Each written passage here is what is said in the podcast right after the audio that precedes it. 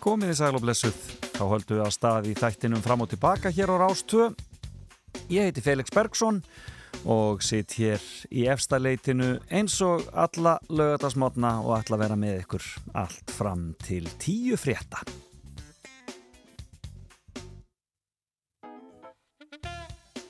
Já, það eru ljúfir dagar á landinu okkar og vonandi hafið það gott hvar sem þið eruð. E, það er aðeins komið svona, já, voru í loftið að minnstakosti hér á höfuborgarsvæðinu og ég, ég vona sannarlega að þannig sé að ykkur, ykkur líka. E, e, hér í þessum þætti ætlum við að gera margt skemmtilegt í dag og hafa það hugulegt, fá góða gesti og spila músikahætti húsins svona bara eins og vera ber. Og e, fyrsti gestur er á leiðin í hús það er engin annar en Bjarni Snæbjörnsson sem ætlar að kíkja hér til mín. En e, síningin hans góðan daginn Faggi hefur aldrei slegið í gegn. Hún ganga núna í tvö ár, hann átti nú að koma til mér fyrir tveimar án síðan en þá bara treyst hann sér ekki þegar hann var að fara frum sína verkið. En núna er hann eins meira já svona já, hann, hefur hann meira pláss til þess að koma. Og uh, hann ætlar að segja okkur á fimm bókum sem hann er að lesa. Og svo ætlum við þetta að segja frá þessari stóru síningu en það verður semst loka síning á góðan daginn faggi á stóra sviði þjóðlíkusins með kór og öllu saman þannig að það verður eitthvað. Og verður gaman að heyri bjarnar hér eftir smástund. Hann er mikið hugsandi og skemmtilegur karakter. Og síðan uh, ætlum við aðeins að fjalla um bókmæntaháttíð í Reykjavík. Og hún Stella Sofía sem er þar í farabrotti hún ætlar að koma til mér og segja mér aðeins af þeim höfundur sem eru á leiðinu og hva, hverju við megum búast við. Það verður spennandi. Og svo ætlum ég aðeins að segja eitthvað frá spennandi viðbyrði sem á sér stað núna um helgina. Hann heitir Hjólað fyrir Elís segja eitthvað betur af því hér á eftir. En fyrir nokkrum já fyrir þó nokkum mörgum árum e, þá e, sömdu Baggalútsmenn lag fyrir e, Vigdísi Finnbóðadóttur og þetta lag var samið í tilumna af áttræðis áttræðis ammælinu en Vigdís sem sagt á ammæli í dag 15. apríl. Og hún er korkimeirinni minna en 93 ári í dag. En þar með þetta lag er 13 ára gamalt sem að bakkalútsmenn gáfu Vigdísi. Og eh, eigum við ekki bara að, að heyra það. E, og það verður lagdagsins í dag. Vigdís Vimbóðdóttir er innilega til hamingju með, með afmælið. Og e, hér eru bakkalútsmenn og e, svo í kjálfarið á því þá för, förum við Bjarni Snæbjörnsson aðrappa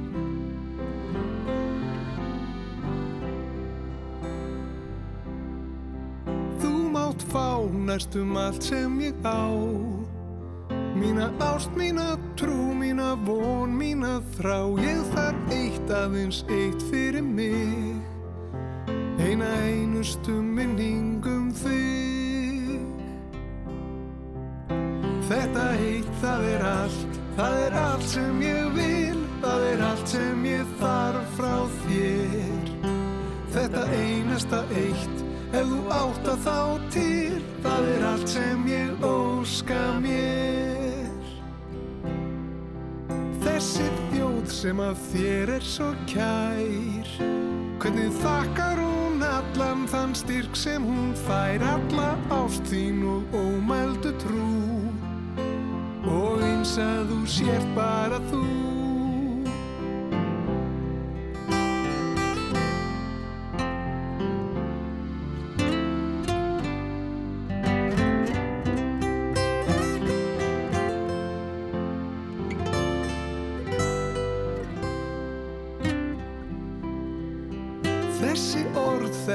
Ljóð, þetta lag sem ég legg fyrir þig einmitt í dag. Þú mátt eigi þetta allt ef þú vilt. Fyrst þú ert svona prúð og stilt Þetta eitt, það er allt, það er allt sem ég vil. Það er allt sem ég þarf frá þér. Þessi einasta öll ef þú átt hana til hún er allt sem ég óska mér. Þetta eitt, það er allt, það er allt sem ég vil. Það er allt sem ég þarf frá þér. Þetta einasta eitt, ef þú átt að þá til Það er allt sem ég óska mér. Já, þetta var fallega gert, sannarlega. Bakkalútur þarna að syngja fyrir Vigdísi Fimboadóttur lag sem að heitir Gjöf. Og uh, þú mátt fá næstum allt sem ég á mína ást, mína trú, mína von, mína þrá. Ég þarf eitt aðeins eitt fyrir mig eina einustu minningum þig. Já, þetta er fallegt. Og þetta er auðvitað Bræði Valdimar sem semur. Indislega fallegt. Jæja, en nóðum það, við skulum heyra lag sem heitir Góðan daginn faggi. Og svo byrjum við Bjarni Snæbjörnsson að spjalla um síningunans og svo fimmuna auðvitað sem eru fimm bækur.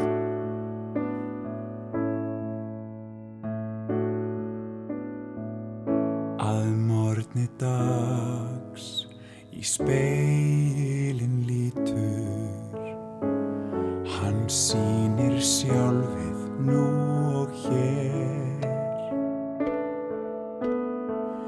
Þú starir fast, augnaráðið brítur Reyndu að sjá það sem heimurinn sér. Hætt að vera svona vondur við þig. Vertu með sjálfum þér í liði. Horfi í speilin, nú get ég loksins sagt. Góðan daginn, faggi, góðan dag.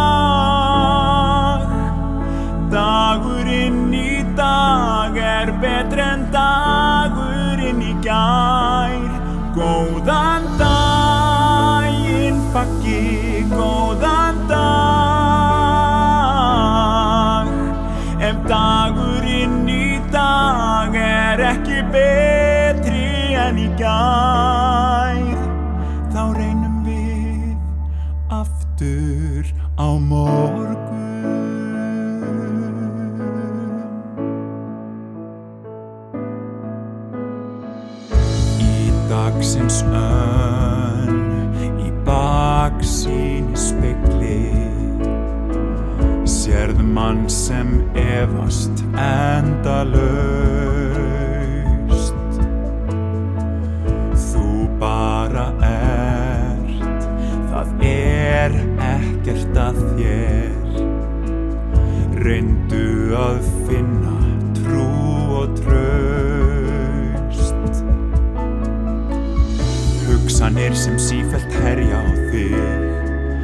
Leifðu þeim að vera í friði.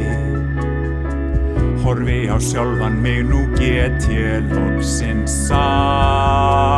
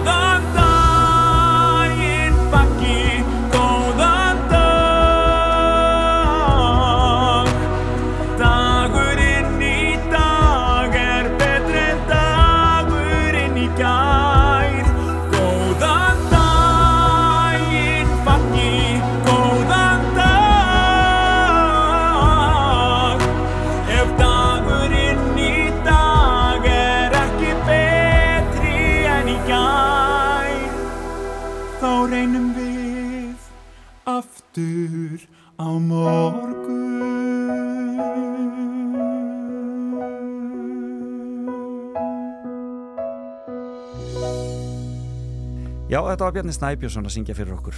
Uh, lag, titillagið úr síningunni Góðan daginn faggi sem hefur aldeilis sleið í gegn og er nú að enda sitt, já svona þe- þessa, þessa kerslu að þessu sinni á stóra sviði þjóðleikusins og að því tilefni fekk ég Bjarni þeim til mín í fimmu, verður velkomin. Takk kærlega fyrir Felix. Þetta er nú búið að standa lengi til hjá okkur. Já, svo sannlega.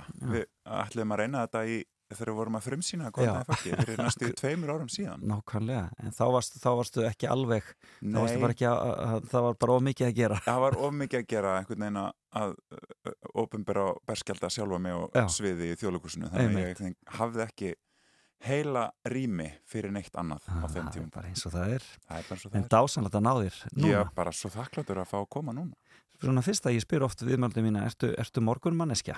já, það er Já. ég sannarlega Já, ég er algjör aðtýpa er og ég svoleiðis. bara verð meira og meira aðtýpa eftir sem að tíminn líður sko. Hvað þýð það? Hvenær vaknar á mótnara?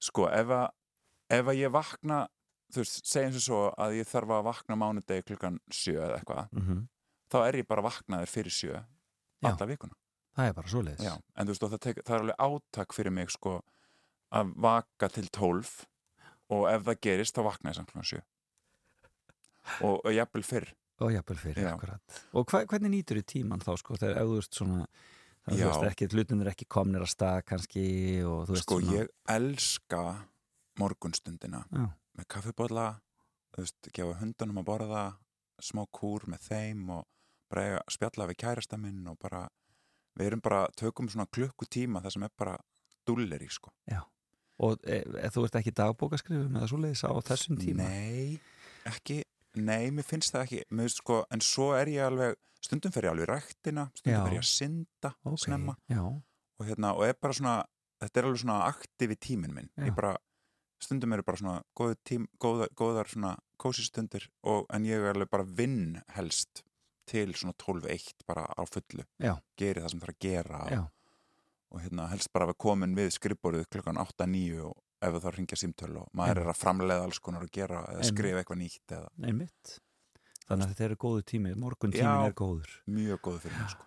en svo er ég líka bara sloknar á mig klukkan 5 Það er bara þá er það bara, er bara búið. Ég bara hef reynd að skrifa eða að gera eitthvað og ég bara finn bara einbeitinginu farin sko. Já, einmitt. Og þá bara finnst mér gott að fara að elda og, og hérna og ég er mjög lélugur að vinna á kvöldin eða, eða þú veist og bara og ég er alveg basically hættur að djamma eða fara út sko, Já. ég er alveg glataður í þessu sko.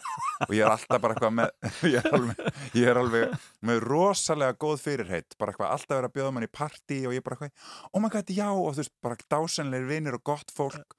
Svo bara eitthvað, byrja klukkan nýju og ég bara já, ég kem, ég bara eitthvað, kem bara klukkan nýju og er bara duglegur, svo bara klukkan sjö þá bara finn ég Að þú bara Það- getur það þetta bara er að slökna á mér og bara eitthvað, ég vil ekkert annað en að fara upp í sófa með snakk Já. og horfa á ekki Já, akkurat. Þetta er alvöru sko. Já, já, ég held að sko margir kveiki algjörlega á Já, þessu. akkurat. En þarna e, þetta er alltaf búið að vera algjört ævintýri með góðan daginn faggi. Mhm. Sástu fyrir að þetta færi í einhvern svona ferðalag? Aldrei, Felix, Nei.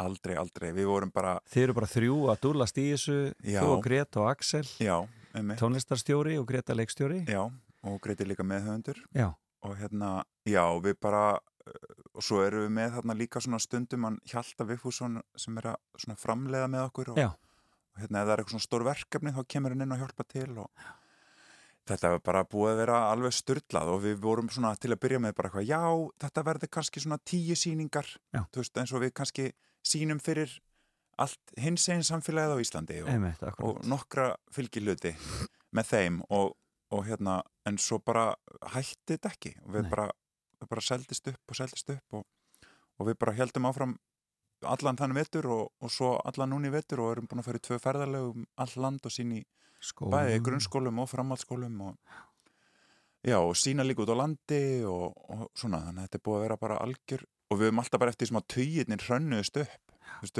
þetta eru komnar 112 síningar Já, og 15.000 áhörundur og eftir sem tíðinir hrönnust upp þá voru við bara eitthvað, oh my god, það eru konar 80 oh my god, það eru konar 90, það eru konar 100 Við já akkurat já. að, hérna, Svona gerist þetta. já, þetta var þetta er búið að vera rosalega magnað og, og ég er svo þakkláttur og, og hræður bara yfir þessu. Þessu, þessu magnaða gengi og, En við ræðum aðeins sýninguna á stóra sviðinu hér svona í lokin en e, þú ert með fimmu handa okkur. Ég er með fimmu, og þetta eru fimm bækur. Þetta eru fimm bækur ég er rosalegu bókakall. Já, og hérna og og það les sýningin náttúrulega byggir á bókum þínum eigin bókum. Mínum einn dagbókum. Já, en Einmitt. samt sem áður sko líka svona ekkur, já, svona því sem þú ert að taka inn í og það- algjörlega. Og hérna og sko ég elska að fara í bókabúður og brása og bara svona lappa um og leita alls konar og Já. hérna og bara er oft með bara svona sjö bækur á náttborinu mínu sem ég glugga í mismunandi tímum og svona. Og, og hérna og ég reyndar er þannig að ég finnst gaman líka að lesa sko skáldsögur. Ég er Já. ekki mikill krimmakall reyndar. Nei, en skáldsögur og alls konar. Og svo finnst mér bara gaman að gefa þær áfram já, Skáldsögurnar. einmitt, ég og skilji bara eitthvað búið með þær og svo bara eitthvað, ok, bara, og svo bara er bara, ertu búin að lesa þessa bók? Ef vinnum minn kemur, bara hérna á mátt eiguna og ég er bara alltaf að gefa þær. Það er bara, já, er þannig bara- að þú, þetta sapnast ekkert upp hjá þér í rauninni, Nei. bara gefur þetta svolítið áfram. það safnast ekki upp, nema þessar bækur sem ég er með og fleiri, ég er alveg svona algjör sökkar fyrir svona ég held á Íslandi kallast það svona handbækur og fræðibækur flokkurinn. Já, frábært. Og sem að mögulega á ennsku myndi vera eitthvað svona sjálfshjálparbækur Já, uh, allavega nokkrar af þeim myndu fara í þann flokk en eru samt líka sko svona fræðilegar og alls konar. Og þannig ég tók hérna fimm af þeim já, sem að hafa gefið bara og verið bara svona uh, spila stór hlutverk í mínu lífi og bara svolítið breytt mér og mínum uh, mínu svona mínu livssín í rauninni byrjum á fyrstu, hver er Já, svo fyrst? þetta er- það eru allar á ennsku það er, hún heitir The Velvet Rage The eða Velvet- Flauelsreiðin.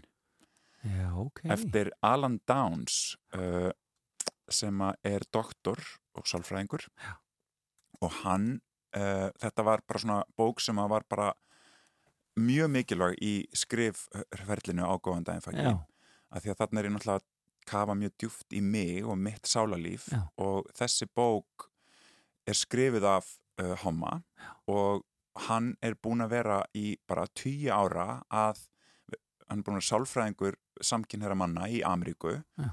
og hann tekur saman svona svolítið svona sína svona þekkingu af því og tekur svolítið saman bara við að rannsaka þetta og, og hérna og, og, fara, taka lengra hvaða er sem að gera það að verkum að okkur homum líður ekki nógu vel. Já, já þó að við séum komin miklu lengra en við vorum þú veist, fyrir bara nokkurum árum síðan. Já. og hérna og hann bara talar um bara við bara þekkjum flestir og hann talar um hommaðin, hann segir alveg að þetta er þetta- pottet á við fleira hins einn fólk en hann einbyttir sér á homum Já. og hérna sko, hann spyr bara hvaðan kemur skömmin og sjálfsætrið og hann er bara að rannsaka það. Já. Já. og uh, hérna við reynum og reynum, segir hann en við einhvern veginn náum aldrei að verða hamingjusamir uh, svona nefnum bara við bara tökum í alvörunni utanum það hvaða er og hvaða þýðir að alast upp hommi mhm, í gagginniðum heimi. Já, og þetta var bara svona stóra, stóra bókin í rauninni sem við notuðum mest í uh, góðan daginn fækki eins og sér, ég er búin að lesa hana hérna spjaldan á myndlega, hún er vel beigluð og vel, vel mert, já, akkurat. Já, um, og uh, þetta, og hver, síðan hvenar er þessi bók? Hvað er þetta, hvað er þetta gamalt? Veistu hvenar hún er gefin Já, út upprunalega? hún er, hérna með þetta náttúrulega allt saman, sko, hún er gefin út fyrst 2005 Já, og hún og ég hef alveg verið að lesa mig til um hana. Hún fór ekkit hátt strax en hún en, en hefur verið að svona taka svolítið hringin í gegnum samkynnett samfélag Já. bara á þessum þú veist hvað, þetta er í 20 ár já og uh, fólk lesi þetta mikið og ég hef hitt hérna, já, vinni Erlendis sem að hafa svona, við höfum verið að byrja að tala kannski um bara já, ég hef verið að díla við alls konar og ég hef svona verið að vinna í sjálfsvin, sjálfsvirðinu mínu og, og svona gera upp skommina og sjálfsætrið og Já. fólk bara, hefur þú lesið The Velvet Rage? ég bara, já já, þannig, að, veist, þannig að þá er þetta svona það er, það er alveg margir sem að þekkja til hennar sko. Þetta er náttúrulega alltaf merkilegt fyrirbrið þetta að, sko, að þarna er bara hópur manna í þessu tilfelli sem eigir henni sameigilega reynslu já, þetta er bara sama reynslan hvar Já. sem þú ert, Já. sem þú ert í Kenya eða eða, hérna, Kanada. eða, Kanada, eða sko. Íslandi e, þannig að, að, að, að þetta að fitta einhvern veginn ekki inn Já, skilja það ekki almennilega svo lengi Akkurat, vera sinni í þessari baróttu að reyna að fitta inn og upplifa tilheyr ekki á Akkurat. mikilvægum tímapunkti í lífin okkar þegar við erum börn og unglingar sérstaklega því að þá byrjuðum við kannski að finna að við eigum ekki alveg samleið með hérna vinum okkar, kannski kallkynsi vinum okkar sem er allir að fara að eignast kærustu og eru bara að hugsa um einhver aðra hlut en við og, og ég minna í því mínu tilfelli ég náttúrulega elst upp hérna á nýjunda áratögnum í á tálknafyrði og það var bara svo mikil fjarlæð frá öllu og það var engar upplýsingar og neitt og aldrei þekkti maður homma eða sá það hvergi í bíó eða sjómarpi og las hvergi um það bókum eða neitt sko. þannig að nákvæmlega. það í rauninni var svona stóra sári mitt og, og var bara mikilvægt fyrir mig að lesa þessa bók bæði fyrir mig persónulega sjálfsögðu og líka fyrir að skilja um hvað þessar dagbækur allar mínar voru Akkurat, en hvað um aðra? Ég meina, er þetta bara fyrir samkynnið að lesa bók eins og Velvet Rage? Nei, alls ekki. Nei. Ég held þetta sé bara og við erum Að fólk geti samsana sig, þú veist, Já. þó, þó það sé ekki endilega gay, sko. Ég held það sko og þú veist, það eru bara, við erum einhvern veginn með uh, einhverjar svona alls konar reglur og regluverki kringum okkur í samfélagin okkar sem að eru arleið frá alls konar, þú veist, feðraveldinu og svona einhverju white supremacy og eitthvað svona alls konar sem að við bara einhvern veginn erum að við erum bara ennþá að díla við. Já, og við þurfum bara að og við erum öll bara með einhverju svona væntingar sem eru gerða til okkar, þú veist, já, vinkonur sem að, þú veist, eru bara til dæmis bara hérna gagginniðar sís konur, vinkonur mínar sem að fá, fá endalaust þrýsting og pressu á sig að fara að eignast börn, Já, til dæmis. Af því að hérna, það eins og það sé gerir það sé eina leiðin svo að þær séu gildir þjóðfélagstegnar, Nákvæmlega. pældi því og hérna, þannig að það eru svona alls konar reglur og, og viðmið En þá meinar fólk nú kannski líka vel, sko. Það er líka það, sko. Það stundum Ah, með það já, já. líka, þú veist, að segja, uh, þú veist að farast á misvið hamingju sem að skilur, Já. en svo er, er það kannski bara ekki þannig að fólk endilega hugsi eh, eins eins. Nákvæmlega og það er bara og meinar vel og, og ég hérna ég, við fæ alveg svona, ég veit alveg fólk meinar vel, en þú veist, svo bara einhvern veginn má alveg treysta fólki til þess að lifa sínu lífi Já. og vita hvað það vill Nákvæmlega. af því að þó að þinn sannleikur sé sá að það besta fyrir þig og fallegasta sem þú hefur gert var að eignast þín börn, þá er það þinn sannleikur og það er kannski ekki allra sannleikur Nákvæmlega. veist, og börn eða ekki börn eða fara í, þú veist, að vera listamaður eða þú veist, e, bara ákveða að vera tónlistamaður eða koma út úr skapnum sem trans eða, eða hvað sem er.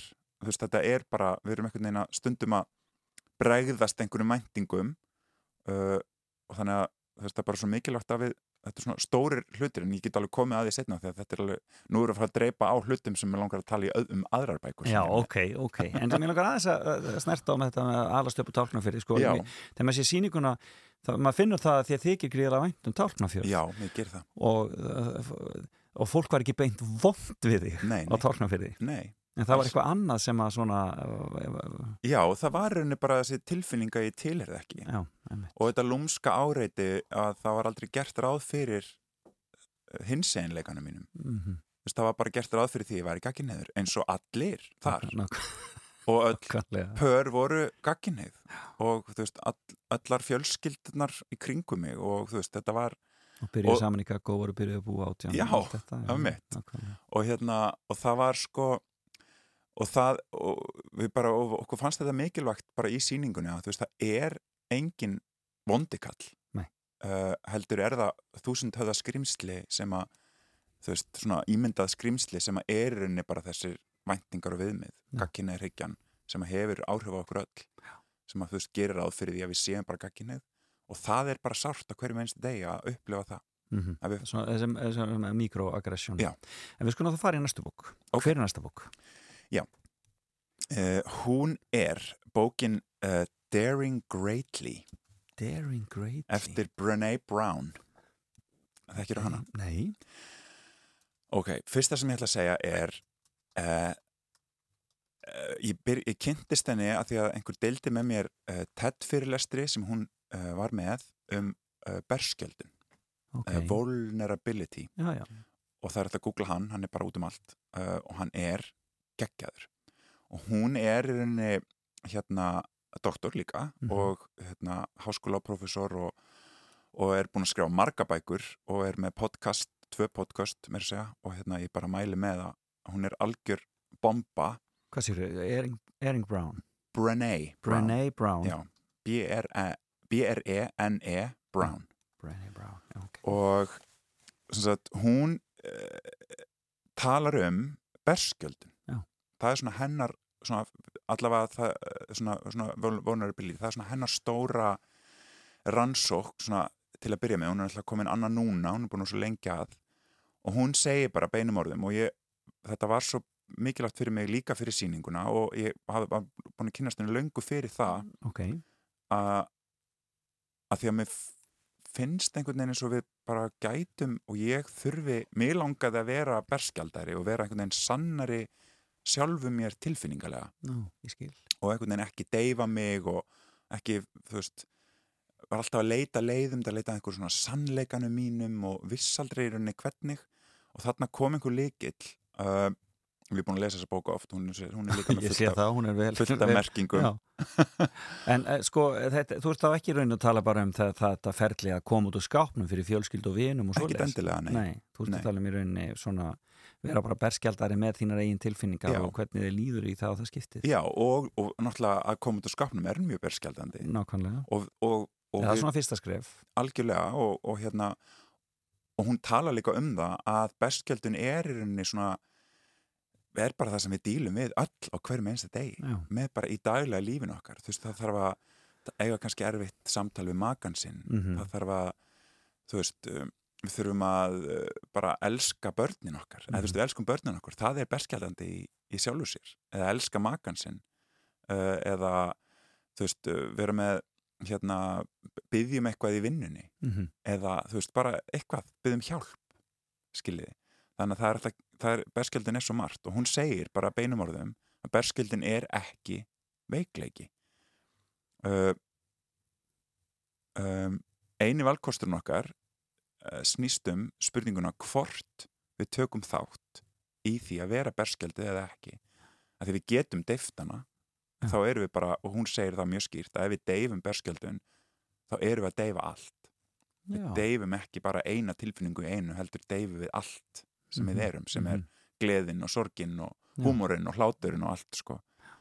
og hún segir líka bara það veltir á hversu hugrökk við erum og hversu skýr við erum í tilgangi okkar hvort við séum viljug til að viðurkenna og takast á við börskjöldinuna um, og þetta, hún er bara uh, mögnuð og þú veist hérna og hún sjálf bara kemur frá svona alls konar uh, hún er uh, mjög svona gjöful og, og, og góð í að miðla sínu lífi Já. og sinni æsku og Já. hérna ofbáslega góðu penni og hérna hún segir bara, þú veist, eins og til dæmis þegar hún er að, hún talar um skömm líka talandi um hérna Velvet Rage skömmina sem við upplifum að, að þegar við erum í skömm þá bara erum við bara eins og bara brjálað fólk Já. þú veist, við bara verðum eitthvað annað lið við bara, þú veist, við bara byrjum að hafa okkur fáránlega Já. segja eitthvað skrítið, mögulega að ljúa þú veist, eitthvað svona, vera eitthvað víruð og undarleg og þú veist, veginn förum burt frá okkur sem manneskjur.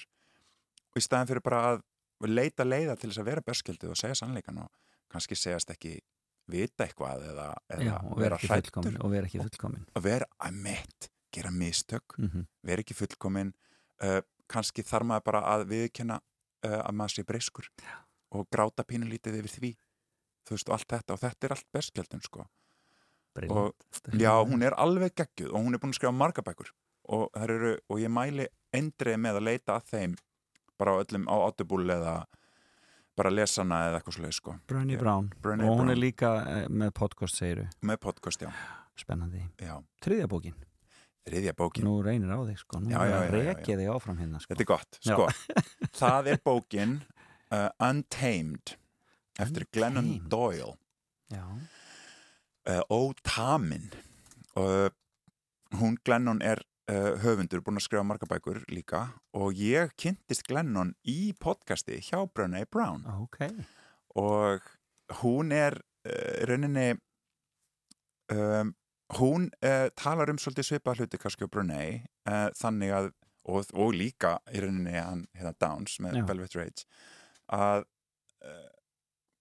að við erum einhvern veginn alltaf að díla við það fullari fólk að vera uh, að berjast við búrið sem við erum sett í. Já, og hún er uh, hérna bara sís uh, kona og búin að vera, var lengi uh, giftmanni og þrjú börn með honum. Og, og hún bara í sínu ferðalegi, og þetta er alveg rosalega góð bóka því að hún er svo gjöful eins og Brunei að segja bara sannleikan sinn og hvernig hún einhvern veginn byrja að takast á við eh, alls konar varandi fíknir og, og hvernig, hvað, hvert leitt hann að þangað, þú veist, Já. væntingarsamfélagsins til hennar sem ungrar konu, sem Mhm. unglings, varandi útlitt og, og þú veist, hún fór í, fekk, var með ádraskun og, og, og einhvern veginn svona, fer að, svona gerir upp í rauninni þessa, þessa fáránlegu standarda sem við lifum við varandi útlitt og, Mhm, og, mhm, og hérna mhm. hegðun og, Mhm. og hvernig bara maður á að bara láta harka af sér hjónabandi þótt að maður sé ekki hamingisöm og eitthvað svona Já. en svo, svo bara einhvern veginn þegar hún fer að gangast við sjálfur sér þá verður hún ástfangin á konu og sem heitir Abby Wambach sem er sem sagt fyrir aldrei fótboltastjarna í Ameríku ok, og hérna og þær eru giftar í dag og þessi bók sem sagt og hún er með svo fallega myndlíkingu um hérna blettatígur í búrinu og The Cheetah uh, hún, þau fara að sjá sagt, hún og Abby með, með börnunum þeirra fara að sjá, fara í dýragarð og sjá blettatígur sem er bara búin að vera alin upp í þessu, þessum dýragarði já, með kvolpi og því að það er eitthvað sem að þarf að gerast að því að kvolpurinn bara verður besti leikfélagi og svo er kvolpurinn þjálfaður eins og kvolpar og, og blettatígurinn bara fylgir með og Já. besti vinur þessara blettatígus er kvolpur og svo er hann bara, þú veist, blettatígurinn þjálfaður í elda einhverja kaninu sem er á einhverju svona sem er einhverju svona einhverju hjóli sem að skýst áfram og maður allir horfa á, þetta er eitthvað svona voða sirkus og hérna og, og, hún, og svo segir hún sko og svo einhvern veginn er barnið mitt að horfa á þetta og svo allt í hennu stoppar blettatígurinn eftir hún er búin að fá sko steikina sína Já. hún þarf ekki að elda neitt til að veiða hún bara eldir þessa kaninu Já. fær svo steik af því hún var dugleg og búin að lifa alla æfina sinna í einhverju búri í dýragarði. Svo allt í hennu stoppar blettatígurinn og svona bara svona frís og lítur svona handan girðingarinnar. Eins og að sé einhverju löngun eða þrá í eitthvað annað en að hinum einn hún lýsir þessu svo vel. Og og svo eru þar að ræði þetta mæðgurnar og, og, og hérna tala um það að en hún á svo gott líf Já. hún var bara að leika sér með vinni sínum og hún, bara, hún hún fær bara, bara kjöt á hverjum degi og hún þarf ekki að gera neitt. En kannski veit blettatígurinn að það er eitthvað annað Já. eitthvað líf sem að hann misti af mm á sléttum Afríku. Okkarlega með sínum hinnum blettatígurinnum að elda bráðuna sem að blettatígurinn þróaðist til að gera. Og hérna og, og við erum búin að sannfæra með því að skilir það blettatígurinn, við erum búin að sannfæra hann um að hann sé bara sáttur. En einstinni veit hann að hann er það ekki. Og hann, hún talar um þetta fyrir okkur mannfólkið. Þetta er mjög dramatíst þetta er mjög dramatíst hvernig við erum einhvern veginn bara, já við erum bara góð. Þú veist, ég er bara ekki klætt mig og fætt mig og bara, ég er bara sátt hérna í minni hólu í, já, þú veist, í mínu húsi og, og það bara, við þurfum ekkert meir. En hvað ef við erum uh, er, ef við, hvað við getum meir hvað við erum meir. Akkurat, og bara hvernig finnum við það? Og þetta er svona hennar ferðalag að bara mitt gangast þau sjálfur sér sem samkynnið kona eða einsegin kona og, og halda fram að skrifa og segja sannleikan um allt sem hún er búin að ganga gegnum. Hægt að harka af sér að vera í búrinu sínu. Þetta er eitthvað stær í DNA-unu eitthvað stær í, já, í frumunum okkar býrða, akkurat. Einmitt. þetta er alveg rosalega flott. Þetta er geggjubók sko Untamed hljómar vel, Untamed. Þeir við skulum taka okkur smá pásu Já. og fá eitt lag með Alanis Morissette og svo höldum við Bjarni Snæpisson áfram að spjalla og að heyra fimmuna hans.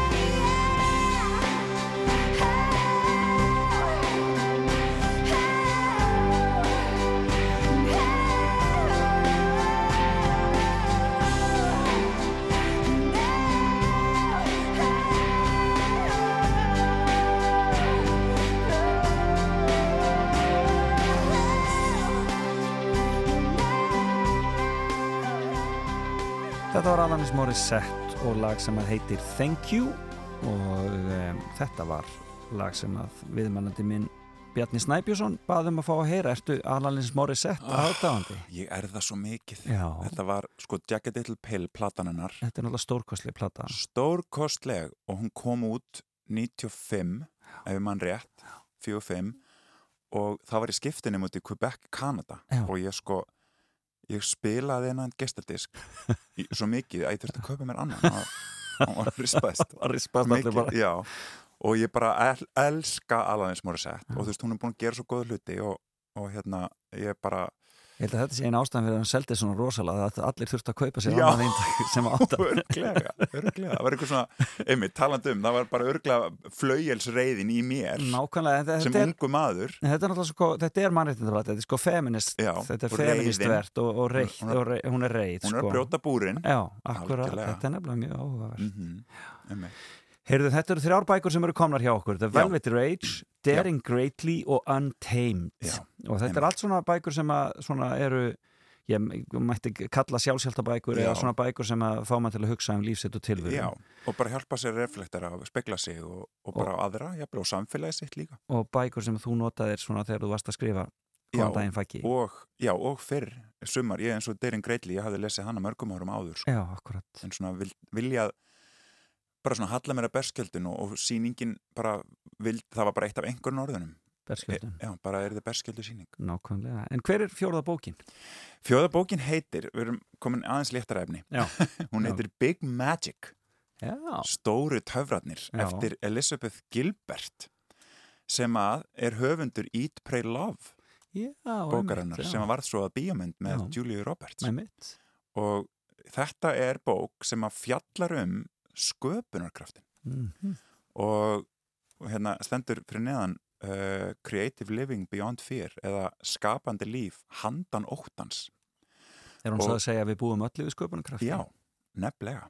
Og hún er einhvern veginn svona bara, bara leið okkur svolítið í gegnum hennar svona ferðalög og hennar sköpunarleiðir Mhm. að skrifa aðalega og, og eins og Glennon Doyle bara fara hvernig hún fer óvinnulega leiðir að uh, lífinu. Mm -hmm. og ég kynntist Elizabeth Gilbert uh, sem sem hugsaði uh, í gegnum podcastið hjá Ópru já, já, já og hérna uh, ég hlusta rosa mikið á podcast með konum í Ameríku. Já.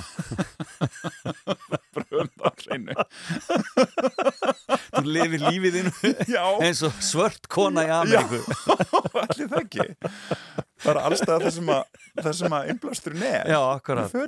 Já, nákvæmlega. Og hérna og þessa bók fekk ég í, í ammæliskeiðu frá Susi vinkunum minni sem er leikona í Hollywood. Já, og, og já, þessi bók er frábær og hún er rauninni bara er, talar um bara sköpunarkraftin bara öllum stigum og hva, hvernig sem hann byrtist okkur. Þú veist, hvort að maður sér bara í útsaum eða skrifa eða Mhm. elda eða uh, eða, þú veist, að leika eða syngja eða að hanna það skiptir engum máli að bara að og bara svona hún er að gefa okkur svona ráð og, og, og út frá sér Mhm. hvernig hún hefur gert þetta Já. bara til þess að vera óhrætt að gera þetta bara. Já, ég skil. Og að tilgangurinn þarf ekki að vera kapitalískur Já, ég skil. Hann þarf ekki að vera með endapunkt á sölu á vöru. Mm eða það þarf ekki að vera eitthvað svona eitthvað bara frábær eitthvað svona stórt uh, hérna, Verk. verk akkurat sem að bara breytir heiminum -hmm. það má líka bara vera þú veist að sauma út púða sem að maður gerir að því að maður þarf að róa tögakerfi sitt Já. og bara eiga fallegan púða með lóu heima hjá sér eða Akkurat, eitthvað, og, vitand, og vita það að þú hafi gert þetta sjálf, Akkúrat. sjálfur Akkurat, og bara, bara fara í hendurnar aðeins, fara úr Akkúrat. heilanum og niður líkama. Já. Og hún talar um sko hvernig hugmyndir eru alltaf einhvern veginn, þar eru bara, hún svona gefið þeim svolítið svona eigi líf, öllum Já. hugmyndum. Mm -hmm. og mér finnst þetta svo góð líking hjá henni að þar eru alltaf bara til staðar, það er bara fljúa hérna um í eternum, í, í vittunum, í kringum okkur.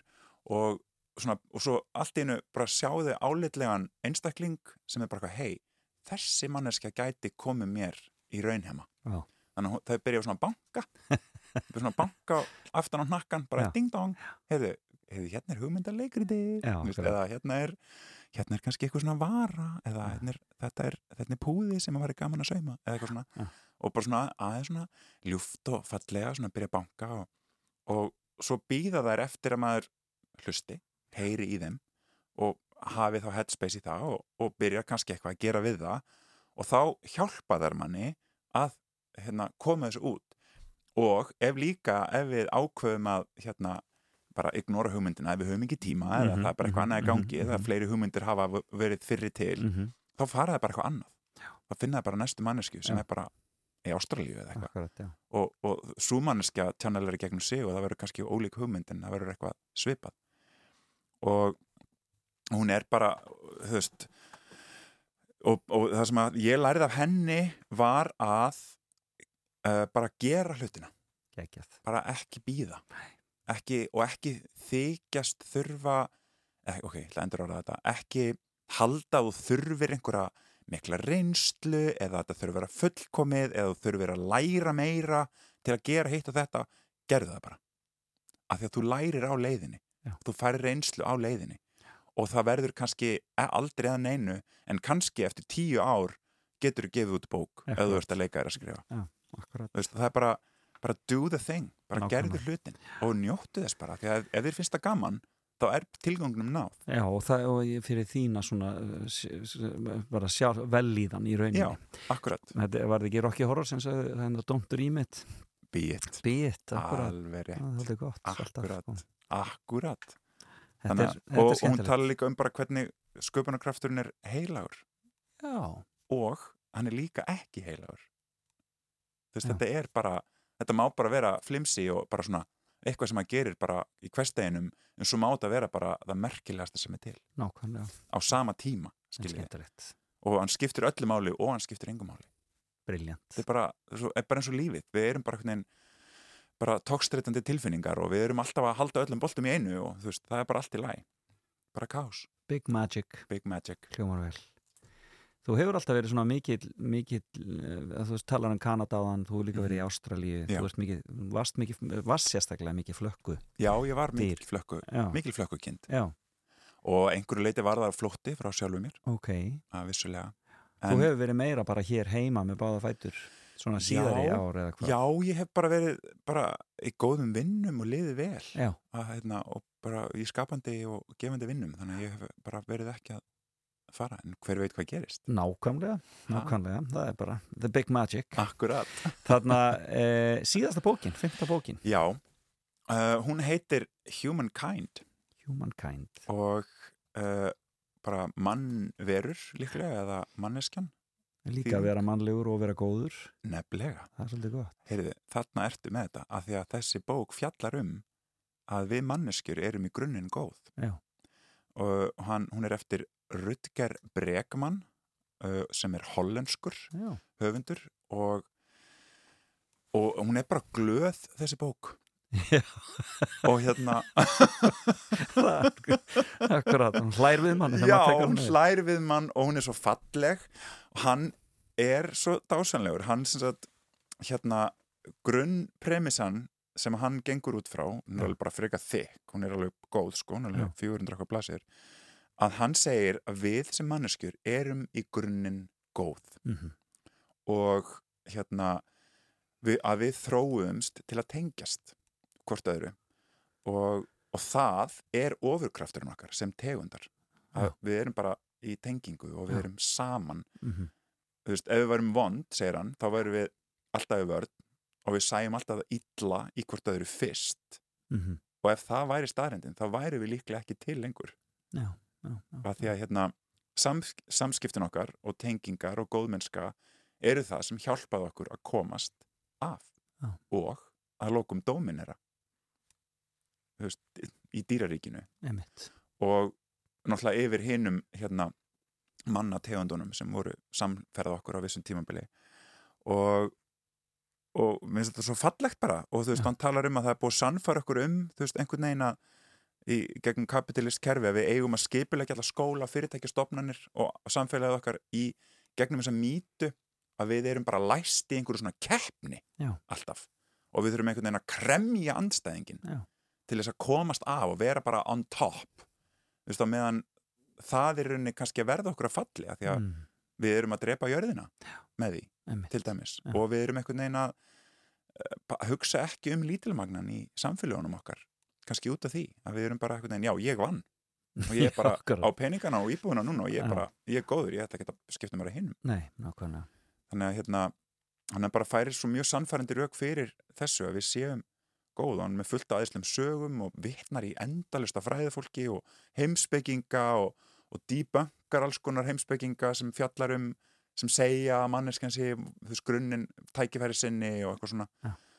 og hérna og, og eitt, eitt svona, sem hann finnst gaman, hann talar um, hann sagði bara í byrjun sko, ég get ekki skrifa þessu bók öðruvísi en að tala um Lord of the Flies. Já, hérna konungur flugnana, ég veit ekki hvernig er þýtt á íslensku bókina sem er klassísk bók Einmitt, sem fjallar um strákahóp sem verður strandglópar á eyði akkurat. Og samfélagið þeirra verður mjög slæmt, mjög hratt og þeir verða bara einhverju svona óvinnum og, og, og hérna verður bara mjög svona ofbeldisfull hægðun og verður svona einhver stjóri og einræðisherra og einhverju verður útskúfað og eitthvað svoleiðis.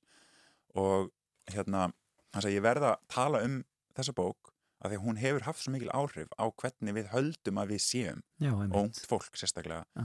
og hann fann raunverulega sögu um stráka frá Tonga í Kirrahafi Já. sem að strönduðu á Eyðieyju í heilt ár. Já, í 1960 eitthvað. Já, já. Og hann bara leitaði þá uppi og hérna fann upplýsingar um þá og þeir voru bara flottir. Akkurat. Þau voru kannski svona fimm Já. og þeir bara lendi ykkur um stormi og bara, bara, bara þeim til haps en- fundu þeir einhverja lit, pínulitla eigu sem hétt Ata já, og hérna voru þar bara fastir í heilt ár. Allir þá töldu varu af að þeir voru bara komin langt í burtu. Já, og hérna, og þeir bara byggu til lítið samfélag, það var bara þeir ræktuðu og, og bara vittu saman og skiptust á mat og, og hérna, og ef einhver var þú veist, þeir voru bara unglingar þú veist, ef einhver var, síndi einhverja svona uh, hérna leiðilega hegðun þá bara þurfti hann að fara í skammakrók og það var bara svona samþygt, bara já, þetta er rétt, ég bara fer og sest á steinin sem er svona skammakrók steinin til þess að róa sig og koma svo tilbaka. Þannig að þeir voru bara með svona lítið samfélag sem bara gekk rosalega vel og þeir á lifðu þetta af. á góðmennsku og góðmennsku, samvinnu já, og tengingu.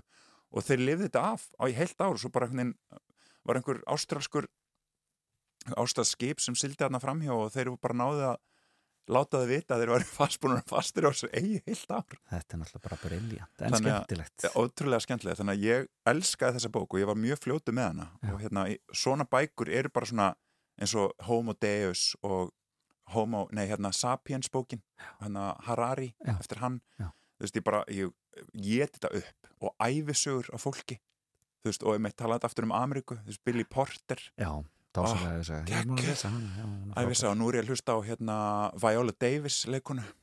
Og þú veist bara svo magnaðar sögur sem að og bara hvernig fólk er að taka saman lífi sitt og, og hvernig að bara gefa þessu öllu merkingu. Og hvernig góðmennska kemur okkur öllum einhvern veginn saman og, og vera berskjöldu og segja sannleikan nákvæmlega og eiga tilfinningar okkar dásanlega Bjarni. E, fimm frábæra bækur, ég seti þetta inn á Facebook síðuna. Æðislega, e, nú er það undirbúa stóru sýningun og, það, Já. og, og, og það, það, þú ætlar að vera með heilan kór með þér. Við verðum með viðlag kórin, söngleika kórin viðlag. Sem er kórinas Axels. Akkurat, sem hann er kostýri í og hérna, Axel er semst tónlistastjórn í sýningunni og, nákvæmlega og spilar með þér hérna já, og semur öll lögin. Já, og hérna, já og við erum bara að undirbúa rætt og öruglega, þú veist, það er bara rosa vel selt og það er meðan rjúka út, þannig að ég mæli með að við viljum koma að drífa í því bara Já. þetta er bara þessi eina sýning. Já. og sem verður hvenar, hvað, hvað verður 28. april frábært. Og við erum í keppni við Backstreet Boys. En skemmtilegt. Ég spur ekki spurninga til eftir að busta það. Þannig að en spennandi. Já, þannig að við erum bara svo glöð og, og spenta að klára þetta ferli og, og hérna við erum að þýða sýninguna núna og ég má ekki segja mikið en við erum að fara með hana út. Yes. Ég má ekki segja meir í byli ég bara, ég, ég bara við fer fram á það að, allar upplýsingar komi fyrst hingað inn á borð skal, í, fram og tilbaka. gera, gera en kæra þakki fyrir kóra Bjarni. Og skulum bara enda þetta á Backstreet Boys. Auðmikið Backstreet. Boys sem eftir að skítapa í samkjöfni Bjarnar 28. apríl ok, ég tek því, gangi ykkur vel. Takk fyrir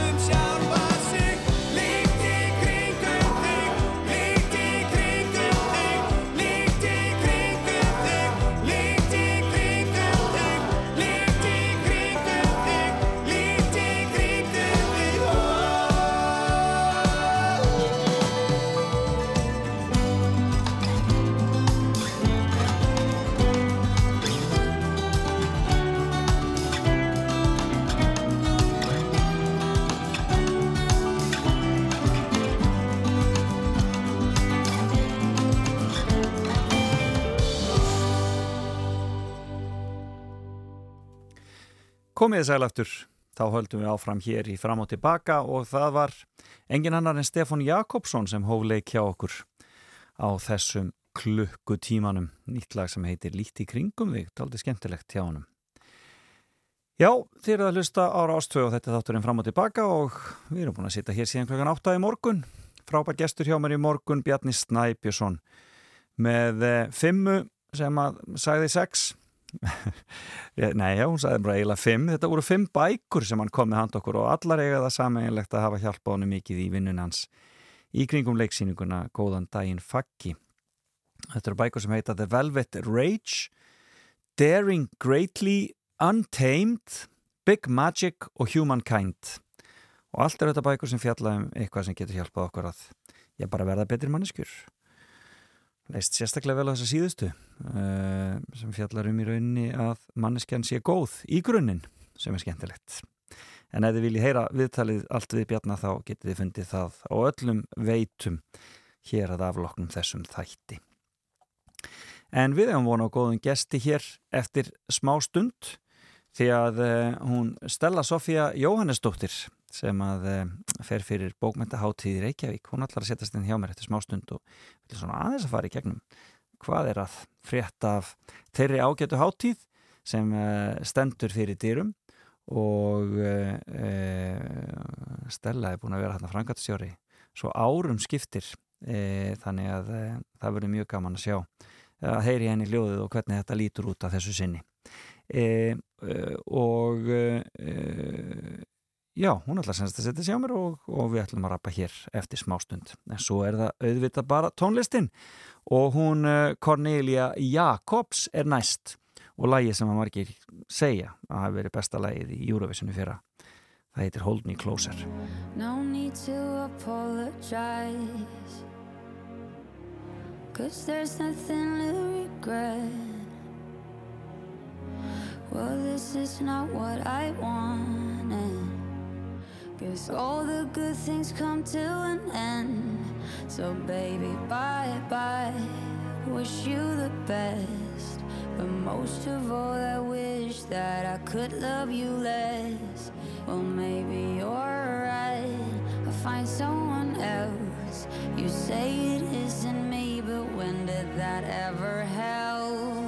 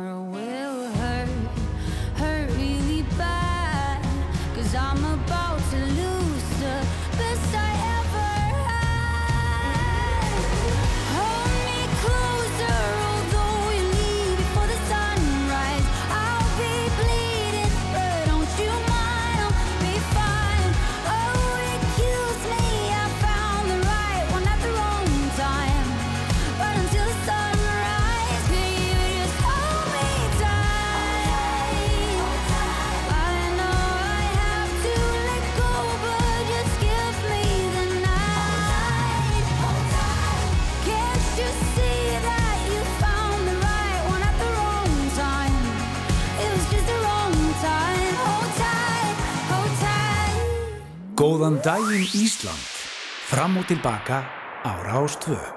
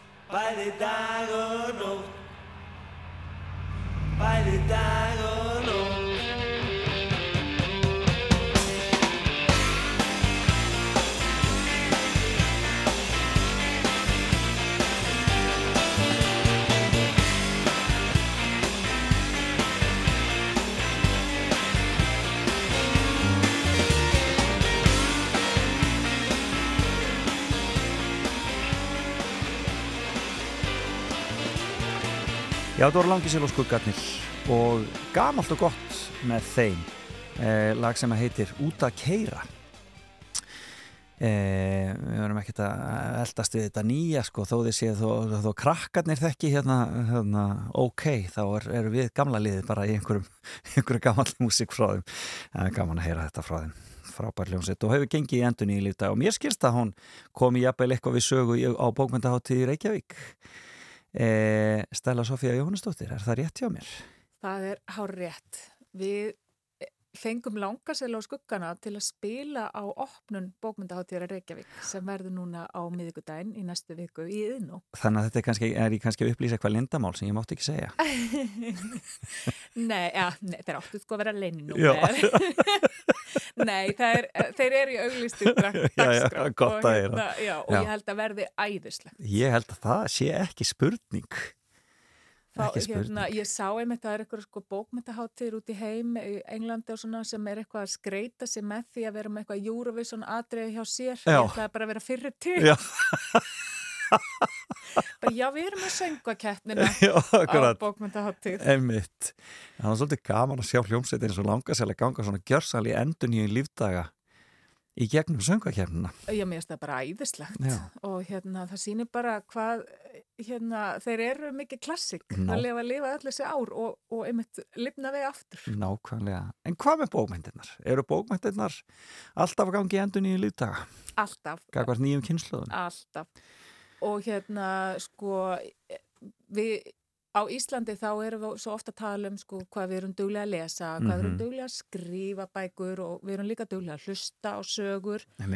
Og, og það náttúrulega sýnir sig svo á bókmyndahátti í Reykjavík, bæði þess að er þetta hátíð lesenda eh, lestur er eiginlega bara þjóðar íþrótt Íslandíka eiginlega og hérna þannig að það, það er svo skemmtilegt sko þetta er hátíð sem að lesendur flikkjast á en hún er líka sko alveg ótrúlega vinsal meðal höfunda. Já. Erlendir höfundar vilja bara mjög gærna koma til Íslands af því þeir hafa bara heyrt um þetta ríka bókmynda áhuga Íslandíka Já. en líka bara sko þetta hvað er mikið sko nálagð og nánd Já, það skiptir máli. það skiptir máli. Þú einhvern veginn ert í beinu sambandi við lesandan og þýðandan þinn og þetta er æðislegt. Akkurat. En þú ert sko, þetta er nú ekki fyrsta bókmyndahátíðin þín. Nei, þetta, ég er nú ekki búin að vera eins lengi eins og eins langisölu og skuggarnir. Nei, En- nei, en nei, hérna, ég- byrjar ekki 86 Nei, en hátíðin hins og hátíðin byrjaði 85, Hún byrjar 85 þannig að eftir tvö ár þá verður hún færtug. En skemmtilegt Já, það verður nú eitthvað húlum hæg þá. En hérna, ég er að gera þetta núna í áttunda skipti og Já, það er eiginlega svolítið gott vegna þess að það, þetta er líka í 16. skipti sem hún haldin. hún er semst ekki árleg Nei, hún er annarkvert ár Já, og er búin að vera svona annarkvert ár síðustu, já, síðustu árin Já. að koma hann einhver göttin á milli þess að náðu Akkurat. ekki alveg 20. en ná ekki alveg 20 einmitt, akkurat, já En hérna, en já, 16. skipti. Og þú ert búin að vera helmingin að þeim tíma Já, er, ég er svona ung. já, kornung Kornung En sko, uh, þessi hátíð sko, þú segir hún sé vinsal meðal almennings. Þetta, þetta, fólk flikkist bara til þess að koma og sjá upp á allt höfundar sína. Já, sko það sem gerir þessa hátíð einstaka og á meðal bara hátíða er, sem sagt, í fyrsta lagi það er bara aðgengismál. Mm Hérna, það kostar ekkit inn Já, og við leggjum rosalega mikla áherslu á að, sko, að þýðingar séu aðgengilegar. Já. Þannig að til dæmis auðvitað, jú, samtöl fara fram á ennsku og Mhm, reynda líka norðurlandamálum mhm, mhm, mhm. hérna, en að alltaf þegar höfundar er að lesa upp og þá, þá erum við með þýðingar. Já. Þannig að þú veist að geta allir notið einhvern veginn. Uh, og það með allir velkomnir uh, óháð stjætt og stöðu Akkúrat, og, og þú einmitt. þarft ekki að hafa lesið þennan höfund til Nei, þess að koma þess að þetta er líka sko, kjörin vettfangur til þess að uppgöta eitthvað nýtt. Akkurat. eða þú veist, jú, þú hafðir heyrt um einhvern höfund og vilt svona aðeins tekka á honum. Og svo er náttúrulega þetta hérna að kaupa sér bækur höfunda á staðnum Mm sem er frábært, Eymundsson er með bóksölu alltaf á hátíðinni þannig að þú getur líka, þú getur mætt með eintakið og fengið áritað Já, einmitt. og bara getur spjallað við höfundana og, og hérna já, þetta er æðislegt bara Þetta er bara heiðslegt, ég heyri það. En það sko, þarna, sumi segja að það séu aðalega konur sem er að lesa núna. Er þetta, er eitthvað til í þessu? Já, er það stærsti hópur? Já, er ekki almennt bara, þú veist, konur á okkurum aldrei eru bara almennt mestu menningar neytendur. Þannig að þær eru, þú veist, þær eru bestar. Uh, en það er fólk á öllum aldrei að lesa og fólk á öllum kynjum Einmitt. er að lesa og hlusta líka. Og, og mér finnst sko gaman að sjá að hérna umræðin um að sko yngra fólk, yngri lesendur séu til dæmis núna svolítið uppteknir að því að, að hérna, lesa prentaðabækur. Já. Þú veist, aftur að hérna, halda á bókinni Já, og sökka sér svona onni hana þannig. Já. Uh, en já, sannarlega fólk á öllum aldri og þú veist, þannig eru höfundar eins og Colson Whitehead frá bandarækjunum. Hann er gríðarlega vinsætla meðal ungsfólks Já, hann, akkurat. ég hef En það er gríðalega kraftmikla Já, bækur, sko. rosalega djúsi, sko. Já, góðar sögur, sterkar sögur. já, Svo erum við með eins og hérna Petro Gunnlaug Garcia einmitt. og hann er náttúrulega nýbakaður hérna, handafi íslensku bókmyndavelinu. Og aldeilis búin að slá í gegn. þvílíkt og þessi bók hún er nær líka svo stert til yngri lesenda. Ég Já. sé það bara í kringum sko hérna krakkana mína Já. og, og hérna þeirra vini hvað þau eru mikið að lesa og pæla En æðislegt. En skemmtilegt. En þetta eru, eru ótrúlega margir erlendi gestir maður flættir í gegnum þetta, maður er bara svona maður, þú veist, maður er svona, já, verður hálf, hálf feimin bara, sko. Tekur fólk sér frí til þess að njóta þess að vera á bókmyndahátti? Já, sem ég gera það Já, og mér finnst það eitthvað einstaklega fallegt Já. og bara þakklátt og það sýnir líka bara hérna einhvern veginn hvað fólk leggur mikið upp úr þessu. akkurat. En núna, sko, í ár og eftir að við færðum okkur yfir á voru, við gerðum, Já. það, uh, gerðum það fyrst 2019, Mm annars vorum við alltaf að hausti áður, en eftir að færðum okkur yfir á voru þá fáum við hann sumardaginn fyrsta, Nákvæmlega, er nýtið hann. Þið byrjið sko. semst að síðasta vetradag Já, og takið svo sumundaginn fyrsta og svo föstudaginn og lögadaginn. Það er í rauninni svona svona dagarnir. stóru dagarnir. Já, Og svo endum við þetta með bókaballi Ó. og það er ógeðslega skemmtilegt líka. og það er einmitt opið öllum. Býttu, hvaða hljómsið drefur þar upp? Ertu þar með, ertu þar með Eurobandið eða? Nei, reyndar ekki. Í ár þá erum við reyndar með bókatengt, sko. Nú. Það er hérna, það eru DJ-ar Já, ok. fyrrum bóksalar bæði. Já, ok. Þannig að bara, Þannig að það verður plötusnúðar já, sem sé á það. já. En uh, hápuntarnir á háttíðin, þú ert búin að nefna uh, Colson Whitehead? Já, við erum með alveg ótrúlega spennandi hérna höfunda sagt, og þeir eru svo margir en það sem að til dæmis sem að ég hef er rosalega spenntur að sjá að það er til dæmis norski blagamæðurinn Ósne Akkurat.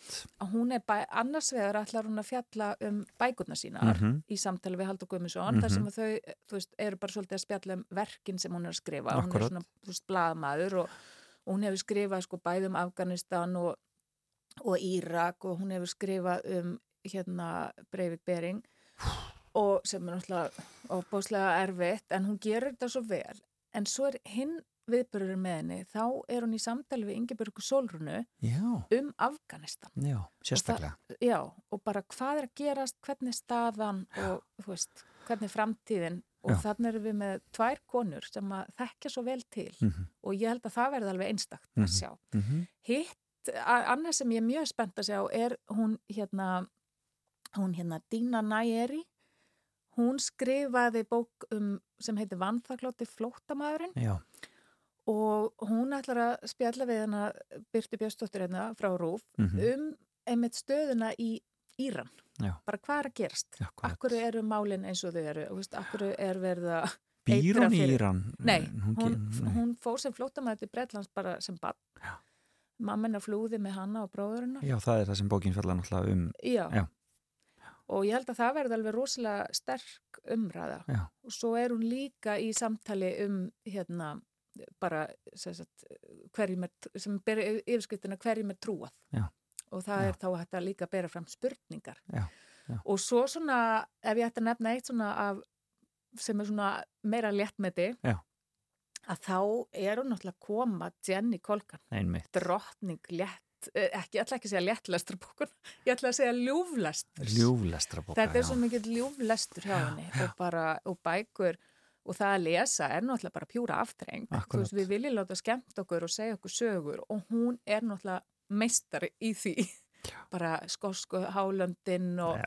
litla bakarið og ó, þetta er bara æðislega liggja upp í sófa og lesa þetta Þetta eða hlusta á þetta, þetta er æðislegt. Dásanlegt.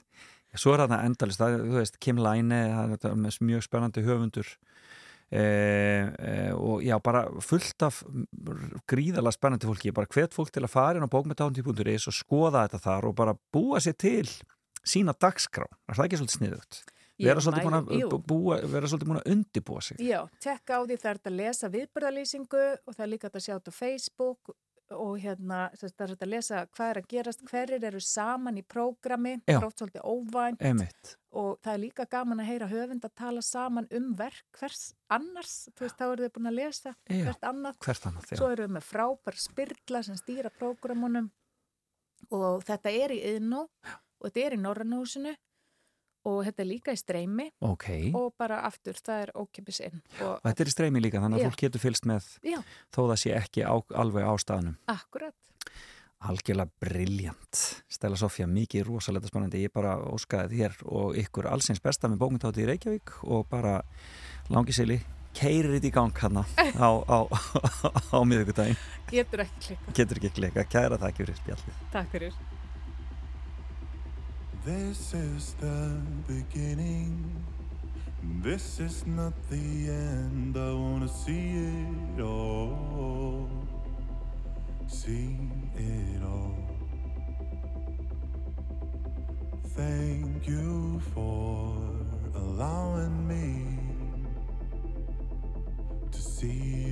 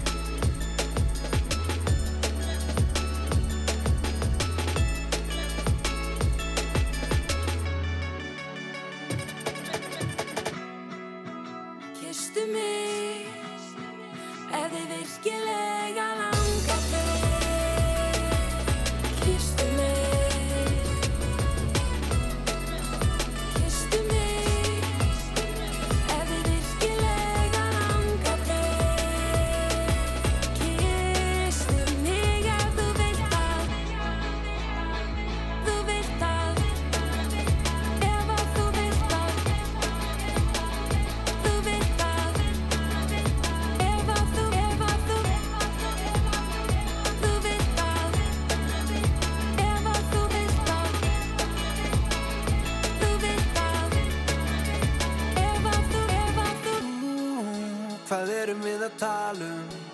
Eigum við að skilja við sárin hér? Ég var að gráta um mér auguninn á klósetti Því ég vildi ekki að hún sægir mig Skipti verið í danskóði Þegar ég með opin auð á miðli dans.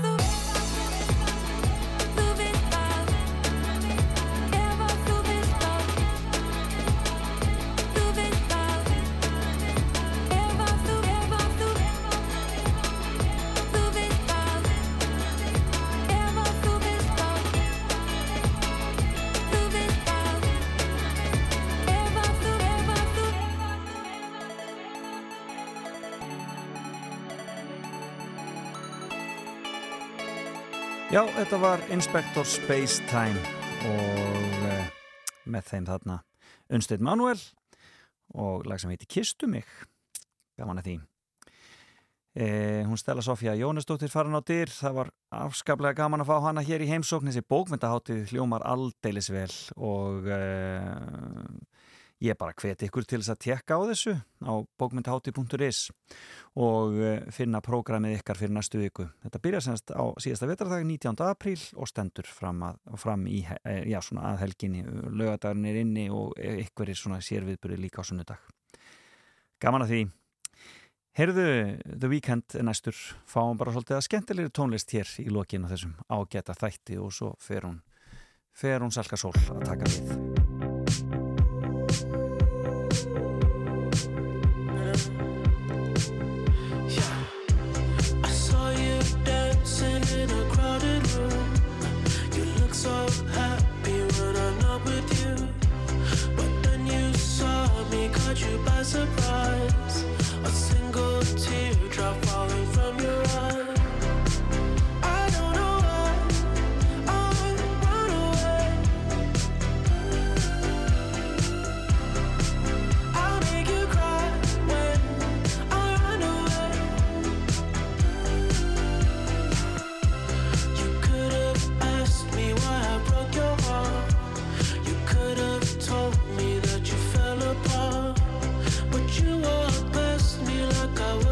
love.